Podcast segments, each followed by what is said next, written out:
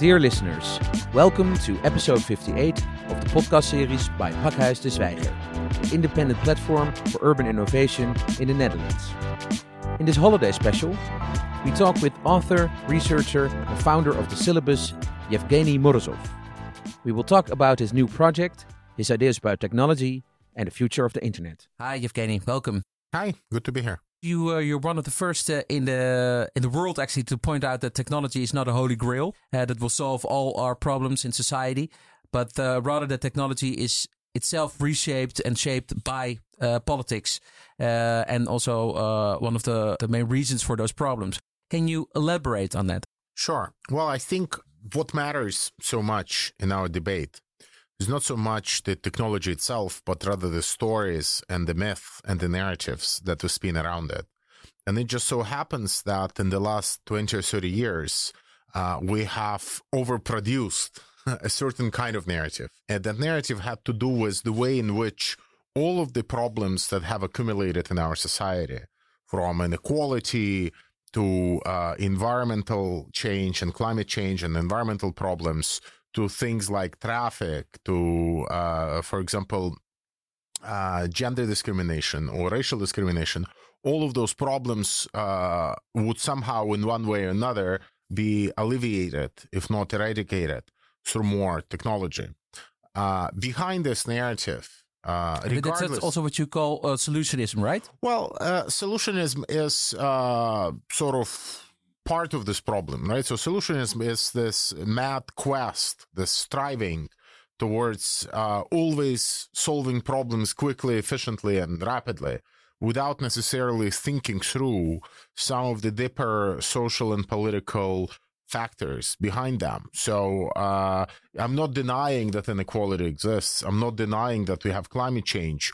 But technology, as it is used and presented now, represents a very particular way of solving those problems, where the costs primarily are borne by the users. So when it's about climate change, it's all about you, the user, adjusting your behavior, and it's not about Shell or ExxonMobil adjusting theirs, right? And when you're entering into this very um, political uh, setup, the politics somehow magically disappears because we are not allowed to question technology because technology represents progress, right? And it's the naivete and simplicity of this narrative that I've been trying to undermine, you know, for the last decade or so. The internet is uh, like 30 years old in 2019. Uh, officially, uh, Tim Berners Lee uh, who's one of the founders of the internet, presented his HTML uh, uh, protocol in the 1989, and now he's also presenting like a new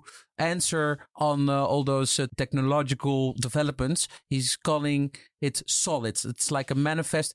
Uh, what do you think of Solid and mm -hmm. of uh, the, the the new plans of uh, Sir Tim Berners Lee? Yes, well, Solid is not solid enough. Uh, the problem with Solid, as with any technological intervention in this space, is that it um, gives the illusion of a nice and quick solution to a problem that I think uh, at its heart cannot be resolved by technology. So the problems that we now have, for example, with data ownership, or with the fact that data has become one of the main frontiers of exploitation, if you will. Uh, these are the sort of problems that should be tackled by political parties, by trade unions, by all sorts of intermediary social, civil society organizations. Technologists should clearly help in that process but we should not give ourselves the illusion that somehow uh, a new set of licenses or a new set of uh, cryptocurrencies or a new set of blockchain like protocols are going to neatly resolve these deeply political uh, tensions. Right. So, in some sense, I of course applaud the uh, eagerness and desire and ambition of Tim Berners Lee. But I also, on the other hand, wish that he would use his reputation and his brand and his standing a little bit more strategically. And a more strategical intervention would be essentially saying that, well, we've got a mass in our hands, and this mass cannot be solved out of MIT or whatever other institution of that status he might be affiliated with. It has to be solved organically by society at large. And it has to be done by recognizing the deeply political nature of the problem, that there will be people who will be unhappy about it. There will be companies that will hire lobbyists to essentially destroy you right? And i think unless you start with this realistic reading of the situation you end up you risk ending up in a very technocratic corner uh, of the debate which is not exactly what the public currently wants. You know people want uh, solutions that will somehow address all the issues like inequality that will question the fact that so many people are accumulating so much wealth without paying taxes, you cannot just count on some nice, clean technocratic solution uh, enshrined and embedded in the logic of the blockchain to do the trick. You can, uh, or you can, might uh, draw a comparison with the climate debate. Uh, Twenty years, thirty years ago, uh, the climate debate wasn't like uh, in a broader spectrum a political uh, debate, but it was for uh, certain kind of activist environmental organizations. But now you can say the climate uh, question is broadly a political question with uh, the Paris Treaty and with all kinds of uh, international pressure, but also citizens who are mm-hmm. engaged now. Uh, do you think that citizens are engaged uh, in in, the, in, all these di digital discussions and discussions about data and technology and the internet in the same way as climate? Yes. Well, I think our problem is that we have developed or built or carved out this non-existing sphere that we call the digital sphere or the cyberspace or the cybersphere where we think there are debates and struggles happening and those debates and struggles are disconnected or at least not directly related to the economic sphere or to the public sphere or to the climate sphere the problem is that of course it's not like that at all that essentially there is no cyberspace and there is no digital sphere all of that is just the residue it's some kind of a consequence and byproduct of actual social relations. And uh, we would never achieve the kind of mobilization that we would like to get if we continue using this language, because there is no digital apocalypse, there is no end of the world that people are ever going to grasp cognitively and say, okay, now I really have to go into the, the barricades and fight for information justice this is never going to come because it's an artificial construct, just like information is to some extent. So I think what we need is to be able to resaturate these debates about technology and information in debates about the economy and in debates about climate. Those two things, you know, the ability to make a living and do it justly, knowing that, you know, people who earn as much as you do, they pay the same amount in tax, and knowing that your children will actually have a future that will not be dominated by climate change. Those are the kind of uh, very uh, almost natural responses and questions that bother people. The problem with this digital rhetoric is that it doesn't lend itself to the same degree of emotion and it doesn't actually uh, embed itself easily into the ongoing political debate. So I would not try to create an environmental uh, and a kind of information alternative or equivalent of the environmental movement. I don't think it will ever get off the ground. Uh, what we need to create, though, is the awareness that this digital layer of society uh, it's intimately int- intimately connected both to the question of climate change because it both corresponds to a vast amount of emissions but also because of the data centers. Uh, well, data instance. centers, data uh, mining of digital currencies, uh, all of the activities that we do with our phones. You know, that's not free. It has a carbon cost of some kind. Uh, so we need to understand what that cost is, but we also need to understand that possibly under different conditions, it might actually help us resolve some of those questions because we would be able to deploy technologies and ways of production uh, more efficiently we would be able to monitor things with a little bit more attention. We would be able to drastically reduce the emission costs as well. So we need to do it with that awareness in mind. And we also need to be able to relate this technological debate to the one about automation, basic income, the future of welfare. These are debates that should not be happening on separate tracks. They should be happening on one track. And it's about equality and justice under the conditions of climate emergency.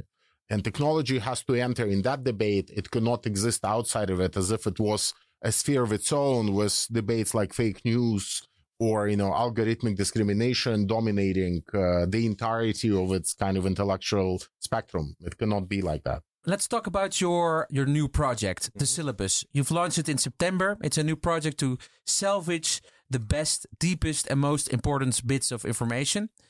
Um, it sounds very promising can you explain uh, what the syllabus is in in plain language, Mm-hmm. please, because our listeners aren't all technologists. Mm-hmm. Uh, and also, can you tell us the the origin story? How did you came up with the part- this concept? Yes. Well, in my own observation of how the digital economy uh, prioritizes what it counts as important, right, and what it discards as unimportant or trash, in my own observations of it as a user, I've come across a very disturbing uh, set of facts. I've discovered that high quality content about things that really matter, about the future of nuclear energy, about climate change, about uh, you know political philosophy and how it can help us think better about political power of Silicon Valley, for example. All this content, it exists. It's already online because there are institutions, publishing houses, academics, uh, museums, exhibitions, think tanks that generate a lot of content.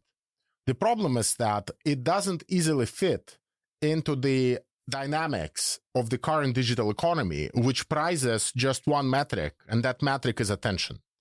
And uh, that metric, of course, translates into eyeballs. And this is why eyeballs then get translated into links, likes, and favorites. And we end up with an economy where high quality content is produced, but it's almost impossible to discover, let alone distribute. So, the end syllabus up- is like a, a search engine. so we're not we have not built a search engine uh, because we think that uh, most people would actually not go through the trouble of searching for high quality content on a regular basis. So instead of so to say, you know, pulling on their end, we decided to push uh, to them. So it's essentially a distribution system. So which uh, we decided to go old school to avoid all sorts of algorithmic filter bubbles with you know Twitter and Facebook hiding content from you in ways that you cannot even understand or perceive. So there is no algorithmic filter bubble of any kind. We went to the most basic tool available to digital mankind, and that tool is email. So essentially, every week we distribute uh, a good chunk of the high quality content we find online in various languages on 60 topics. So you can build your own syllabus, as we call it, uh, because our goal is to provide a living syllabus of some kind. So, what are the best things to read on architecture, on arts, on political economy, on climate change, on artificial intelligence? You know, what should a moderately well educated or person or a person who aspires to be moderately well educated read if they cannot trust the links that arrive to them from Twitter and Facebook?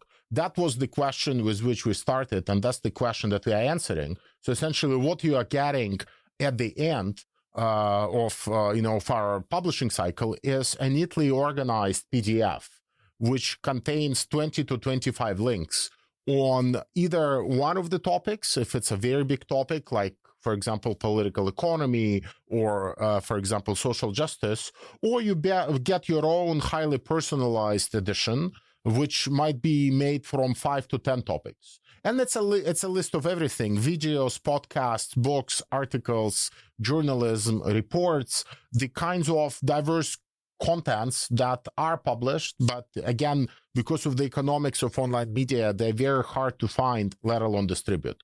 So, um, the origins of this has lie basically in my own research. I've been working on a very ambitious book about the history of the internet, but set in this kind of longue durée kind of framework. So starting essentially in 1940s with the birth of cybernetics and continuing into information theory, counterculture, Cold War, I mean, um, history of architecture. There are a lot of angles here because if you really want to tell the story of, for example, how an idea like cyberspace even becomes thinkable, you really need to know quite a lot about architecture and how we thought about space. Uh, throughout the 70s and the 80s. And then you would realize that there were just too many people taking a lot of LSD and thinking about space and computers at Like the Steve same time. So we arrived at this notion of cyberspace. So it's not by accident that this metaphor of the space becomes dominant in our thinking. So as I was working on this project, it became obvious to me that the list of books and articles I have to read in order to write an actually uh, proper history is and it wasn't infinite. your PhD project, right? This is like it was the research for a new book, not for your PhD. Well, my PhD covered parts of it. So my PhD, uh, you know, as any PhD, is a relatively narrow project. You have to focus on a set of characters and you have to pursue it. And I've done it. But the project itself, it's more like you know, ten PhDs roped in one and written for the general audience. So the task, in some sense, is much harder than for traditional dissertation because dissertations are written for experts. So in my case, I understood that the list of these resources is infinite and that I need some method of finding out what it is that I should actually be reading. Because I also was at Harvard and I had Harvard Library and all of its partner libraries open to me and it's dozens of millions of books at your disposal and you don't know where to start.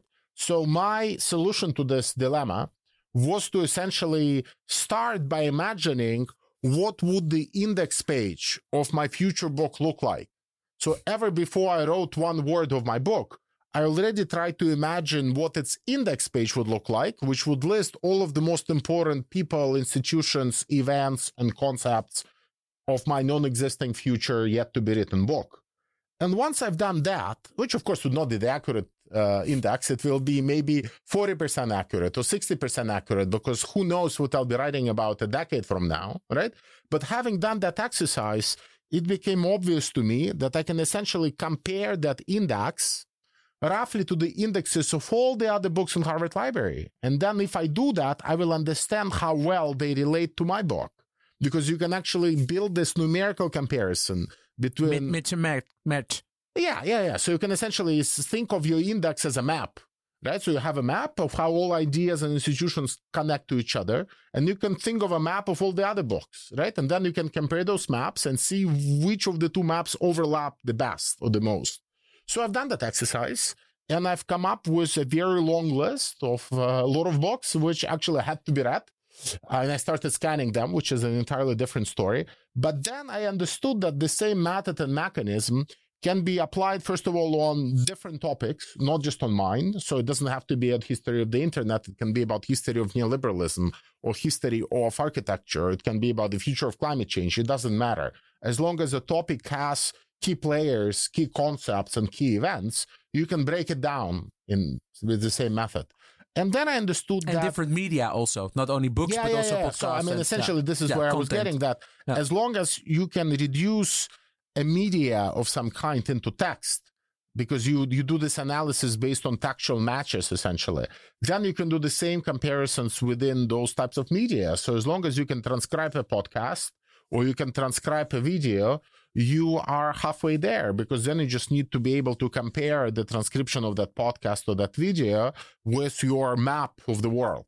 So we at the syllabus we ended up with almost 60,000 plus map of kind of my research interests, which now boil down to the 60 topics, which I think are fairly representative of, you know, it sounds very megalomaniac and narcissistic, but I think we kind of managed to cover most of the areas that a well learned person who subscribes to a publication like New York Review of Books or London Review of Books would be reading about on uh, a but, monthly but, basis. but it is a subjective thing. It, it could be also 70 or 100 uh, kinds yes, of topics. Yes, yes. So yeah. I, again, we are not uh, against uh, potentially adding more fields, but here and more topics. But here, of course, you'll need to strike a balance between, on the one hand, making it easy for people to narrow down their own interests to just five or ten because they have to choose between five and ten topics when they build their own personalized syllabus. Uh, and choosing five to 10 from 60 is already a challenge for many of them. Choosing five or 10 from 600 will be even more painful, right? So there is always that balance to be uh, found. And we don't hide that it's an entirely subjective enterprise. So, you know, in that sense, I, I like to, to describe it as SOS because it's subjective, objective, subjective. So, you know, it's subjective in that we have to define what we think is important about the world when we define this taxonomy of 60,000 items, which kind of corresponds to our interests. So this is entirely subjective. Yeah. So we, you and your team of bright minds exactly. in that villa in Italy. Exactly. Yes. So uh, we define what counts as important. But then we introduce the objective element, and those are the algorithms which do context indexing, which do context matching, which do context analysis, which essentially compare uh, all the incoming newly published content to uh, this map of ours that we've built. And they. And how pro- can you do that real time? Well, it's not, you know, you deploy a lot of scripts and you deploy a lot of computational power. That's All where the technology do- comes in. Yeah, yeah, yeah. So this is done, uh, as I said, algorithmically. You essentially need to compare. For example, you take a journalistic article, which will be the easiest example. There is an article, let's say, in Financial Times, which you know we try to ignore mainstream sources. So Financial Times is not likely to appear on our radar. But let's say it appears in Financial Times, and it's an article that mentions climate change. It mentions Latin America, and it mentions uh, history of neoliberalism. So it mentions those three somehow in one way or another. So if our system works correctly, this article will get high scores on three of our modules climate change, Latin America, and neoliberalism. And it might get low scores on all the other 57 modules. So it will get a low score on, uh, I don't know, on uh, architecture. It will get maybe a score of zero on uh, Russia, right? And then you just need to be able to sort by every single module and every single topic and every single content type. And you end up with this map. So just to give you some example of the scale. So every week we produce this personalized syllabi and we produce also curated versions that requires us roughly 500, 550 items of content. So we need to find a total of 500 videos, podcasts, academic articles, books, journalism, and reports. To arrive at this 500, we need to start with maybe 20,000 or 25,000 right? And this 20 or 25,000 is what our algorithms produce and suggest based on our subjective criteria. And this is where the final S in SOS comes in.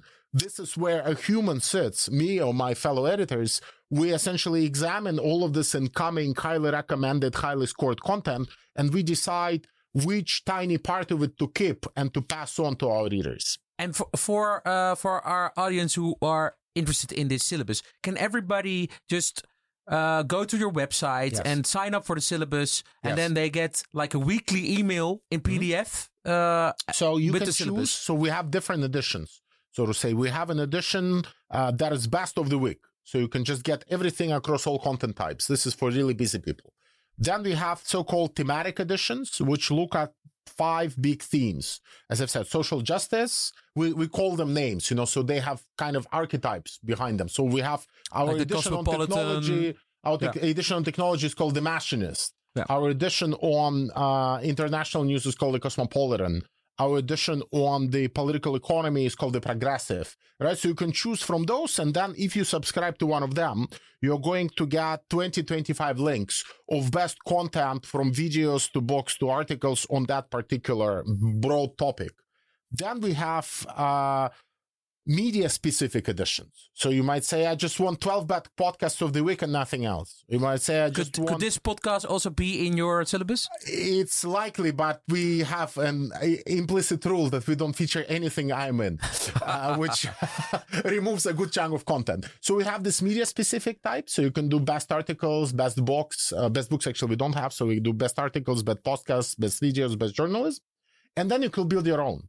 And when you build your own, you can actually specify it uh, in quite some depth. You can say, I would like this 10 modules. So architecture, neoliberalism, uh, uh, you know, climate change, something else. Then I would like, a, I would like more journalism than academic articles. And I would like more multimedia. So videos and podcasts. Then I would like text. And then you would say, okay, I also speak German and French. And if we find, or if we have six languages, if you find Like you? Yourself? I speak quite a few, yes. So uh, that also helps me to review content, but I also have native speakers of those languages who help me. But essentially, if you find something interesting in your module in German or French or Italian or Spanish or Portuguese or Russian, we will include it in your syllabus. So it also gives you that level of uh, um personalization. And uh, that's essentially how it works. We also work with institutions where the idea is that certain foundations, think tanks, art galleries, uh, art institutions, uh, they already build their own newsletters. Right? But the problem with most newsletters, as people who build newsletters know, is that very often it's a very sporadic, uh, random game. You know, you find something interesting on Twitter, on Facebook, you include it in your newsletter, you send it out, everybody's happy everybody's unhappy, but it's almost like it's not, I don't want to say it's not science, but there is no rational approach to including, choosing which items to include. So our hope is that we will be able to inject a new stream of high quality content also into this newsletter producing industry because we see it as a big trend. There are a lot of journalists, intellectuals, writers, filmmakers who started their own newsletters, and yeah. organizations have been in, in, in the Netherlands. Forever. We have uh, Alexander Klöpping and Ernst-Jan Pfauth, also yes. the publisher of the Correspondent, who have yes. like a media newsletter. Definitely. That's Definitely. that's very well uh-huh. known. Yeah, yeah, but the problem with most of these uh, sources, right, most of these newsletters, is that. I mean, they are limited to the same kind of pool of the stuff they find through Twitter, through Facebook, or through some kind of their own eclectic mix of sources that they follow. Uh, and it applies also to publishers. I mean, here in the Netherlands, you have a company called Revue, for example, which does newsletters as a service and they work with publishers. And our understanding is that this trend will probably amplify and accelerate. But unless you manage to, uh, unless you manage to inject new high quality content that's not yet being indexed and seen, you end up almost in a kind of cannibalism like situation where everybody is eating each other's content uh, and everybody's free riding on someone else's work without anything new and original entering the stream, right? And this is this lack of originality is what bothers me quite a bit. And are you actually also trying to influence the influencers uh, with the syllabus? Uh, well, we are not trying to influence the influencers. We are trying to hijack the influencers, let's put it that way, and deploy them to a somewhat different course. So we started this feature in the syllabus called the Cyber Flaneur. And, you know, it's, it's a very interesting uh, kind of extension of the syllabus. Uh, six or seven years ago, I think seven years ago, I wrote a very long essay for the New York Times where basically I said that the cyber flaneur was that, that this figure from the mid 1990s who was surfing the web, who was always there discovering new things and moving from one side to another without any concern for time or personal data, that figure was that. It was killed by Web 2.0. Uh, with the syllabus, we are kind of trying to resuscitate that cyber flaneur figure, right? A person who does not follow the kind of uh, Skinnerian path that the social media presents in front of you, but tries to go a different route. So, so far we've been a true original. Well, by like writing comments differently from the way comments appear on Twitter, because you know there is a very, I mean, some of these formats are good and they are very efficient at getting information through, but some of them are also very limiting right? And my fear is that uh, we are becoming too standardized in terms of how we communicate because everything is thought through as a potential tweet or as a tweet in the making, right? So in our case, we've uh, we are reaching out to some of the interesting people we know, uh, and we ask them to work with our backend so to work with our archives, with our stacks, with the, this data we find every week, and to select their own 10 favorite articles. So, so like know, we, Brian Eno did. So we started with Brian Eno, then we had a very prominent artist, Hito Steyerl, uh, who did it in a very you know, there is this uh, writer, uh, Cortázar, you know, who used to write a lot about how, uh, you know, language and literature can be like a game almost. And she did it in a very, or even Borges, you know, so it's in a very playful like way. She, she responded to the task, but some of them respond in a more linear fashion. So Brian Eno did it in a more linear fashion. Historian Adam Tooze did it in a more linear fashion. We have a couple of very surprising guests uh, lined up, but the idea there is to essentially have these people work with the backend, uh, see how much stuff is there, so to convince them. Because I think we still have a very flawed idea of uh, what can be done given the endless possibilities of digital media. And, you know, we kind of got caught up in the straps uh, set up by these business firms because they have their own business models and they work at such a scale that more playful, more artistic, more intellectual interventions and paths they disappear from our view. And what we hope to do is to bring them back.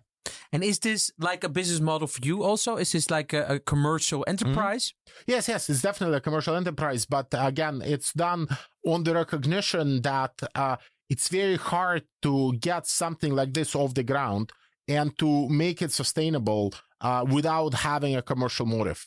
So in that sense, we uh, from day one refused to have, for example, advertising as our business model, even though it would be relatively easy to insert ads to such a high-level audience. Uh, you know, and with PDFs, it's very easy to do. Uh, so we've decided that we want to go back to the original model of most newspapers and magazines, which was actually subscription, and to uh, cultivate uh, a network of people who support us Uh, and then we were supported by the correspondent, actually, uh, our uh, Dutch uh, outlet that also is uh, free of uh, advertising. Yes, but the the idea in our case, of course, is that you know we would like to offer the syllabi eventually for free, and we will. So the hope and the plan is to have a short embargo period in which the subscribers only can get access to all those freshest links that we find. And after a couple of months, everything we find will be available uh, in one way or another. Maybe not in the most easy to find way because we would still like to give subscribers uh, a, a, richer set of features, but the content we find will be available uh, for students, for people who cannot pay. You know, we don't seek to build any kind of enclosure or firewall around it, but we also think that a community of people who really lack high quality content to watch on their commute to work or to read uh, while they're waiting in the line in the airport instead of scrolling Twitter, they always have a companion of some kind. And uh, we would like them to pay for that. And that will also help subsidize the creation and curation of that content for all the other people. And also, you put great emphasis on like the, the data protection and yes. privacy and all kinds of other the rules of engagement mm-hmm. on the internet for the public good. Yes. Well, I mean, we definitely have, I mean, I certainly have a very strong set of opinions about what's wrong with the digital economy as it exists now. Can so, you can you give some examples? well, I mean, there, there are too many to list in a short podcast, but I mean, the the way in which uh, advertising has become, I think, the problem uh, of our society is still relatively uh, poorly recognized. You know, we uh, we don't understand that problems like fake news they are not necessarily the well, they're not definitely not the result of foreign manipulation. Uh, rather, foreign manipulation is made possible by the original sin, and the original sin is the fact that all of these activities are funded by advertising, which allows the collection of data, which necessitates and almost makes it impossible to publish content without collecting data about your users, and which then creates opportunities for uh, targeting, personalization, and so forth. You know, in our case, the degree of personalization is very different. We don't monitor your behavior. You know, I don't want to understand how well your description of yourself differs from uh, uh, your actual behavior, which is the kind of basic premise behind Facebook. Because Facebook doesn't trust what you say you are. Facebook wants to infer from the little behavioral traits and the little behavioral traces that you leave while you use the site what it is that you really are. You know, we don't do that because I think that people come to the site with a set of assumptions about who they are. I trust them to tell me faithfully what they want to do.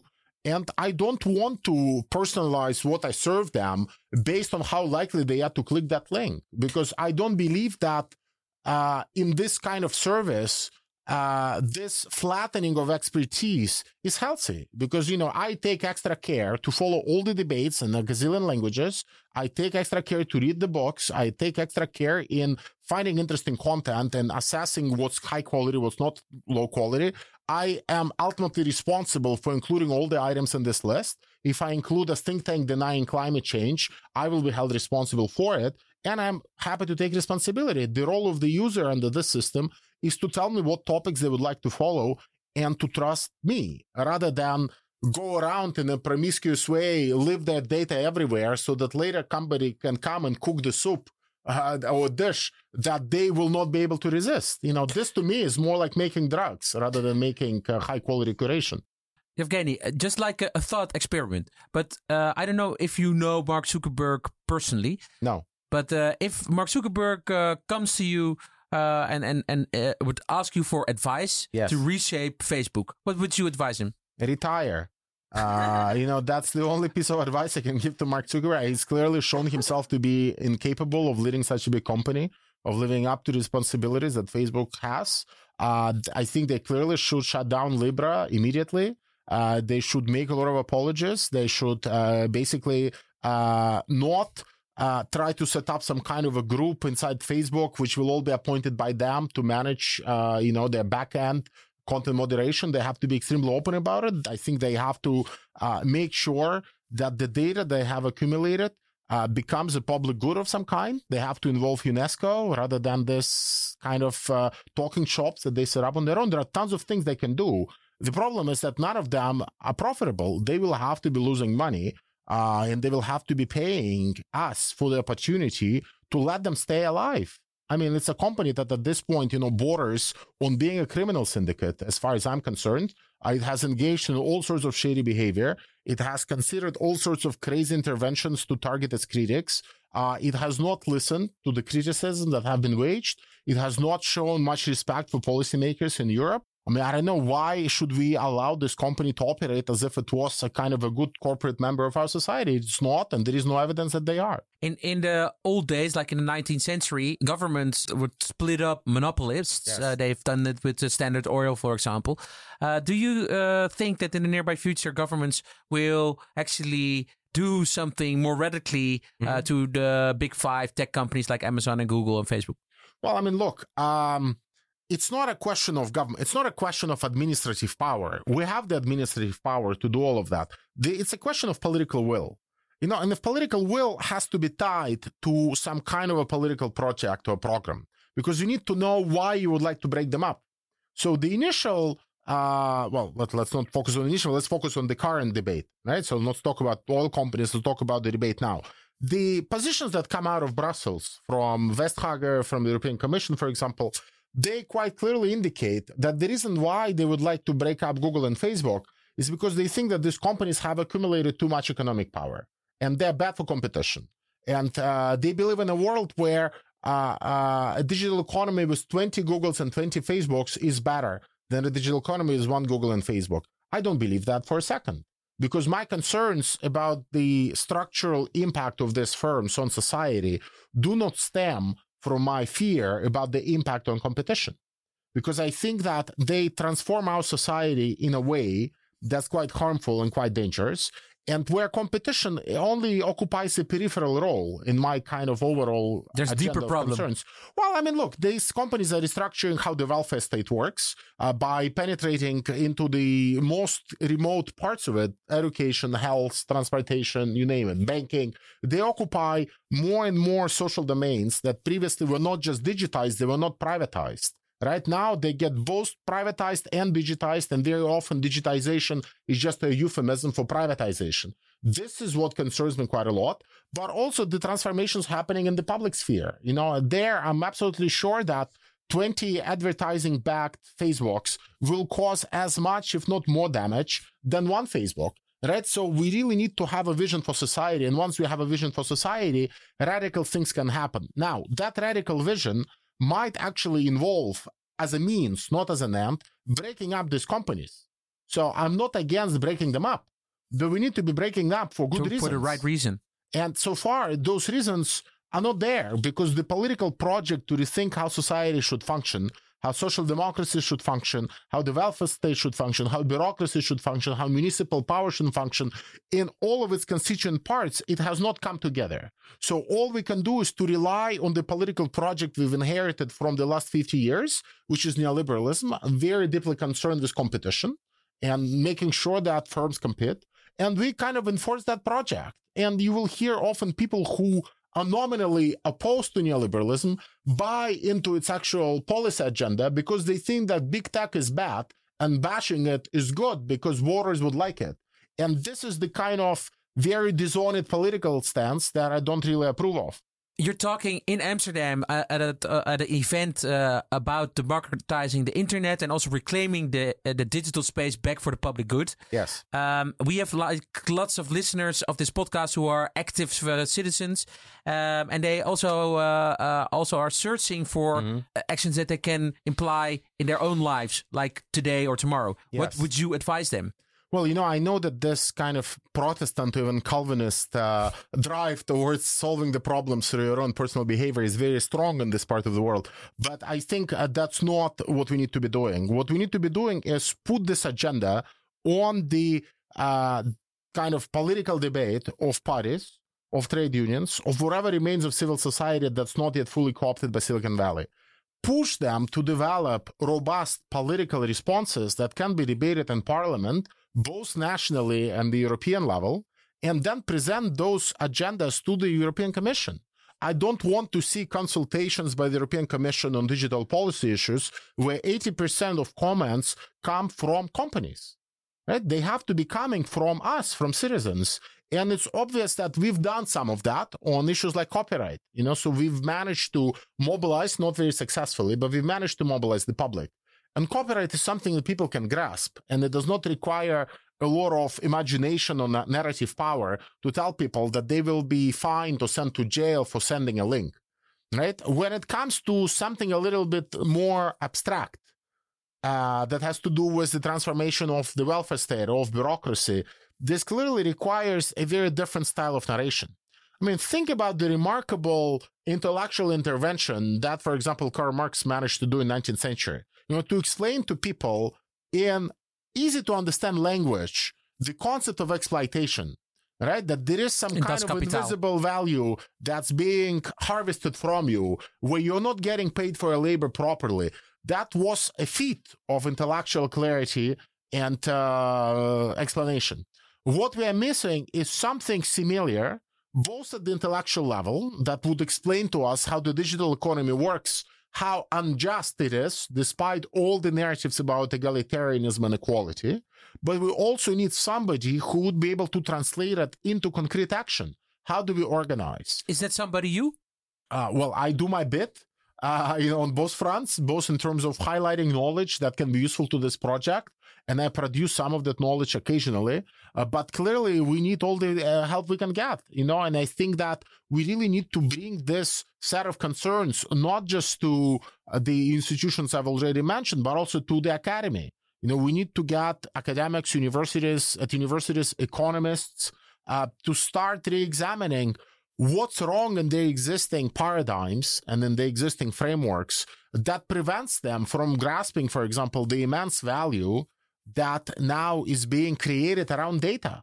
You know, you talk to a lot of economists, they wouldn't even be able to conceptualize it properly, let alone imagine what kind of political struggles can be fought against them. So, and that, of course, ties to a much broader project of rethinking how we teach economics, of rethinking, you know, what we teach inside economics departments. All of that needs to happen. But I would just encourage listeners and especially students to be very critical towards everything they hear in university, but also try to find how they can build those bridges to academia, to the media, to trade unions, to civil society at large, to political parties, because without those bridges, we'll all be lost in this fog of confusion that has emerged in the last few decades around the notion of the digital. Last question, and it's the, the basis of the syllabus, and it was, of course, the one book, the first original, the, the, the book that you, that you should read uh, to get to the next book. What was your book?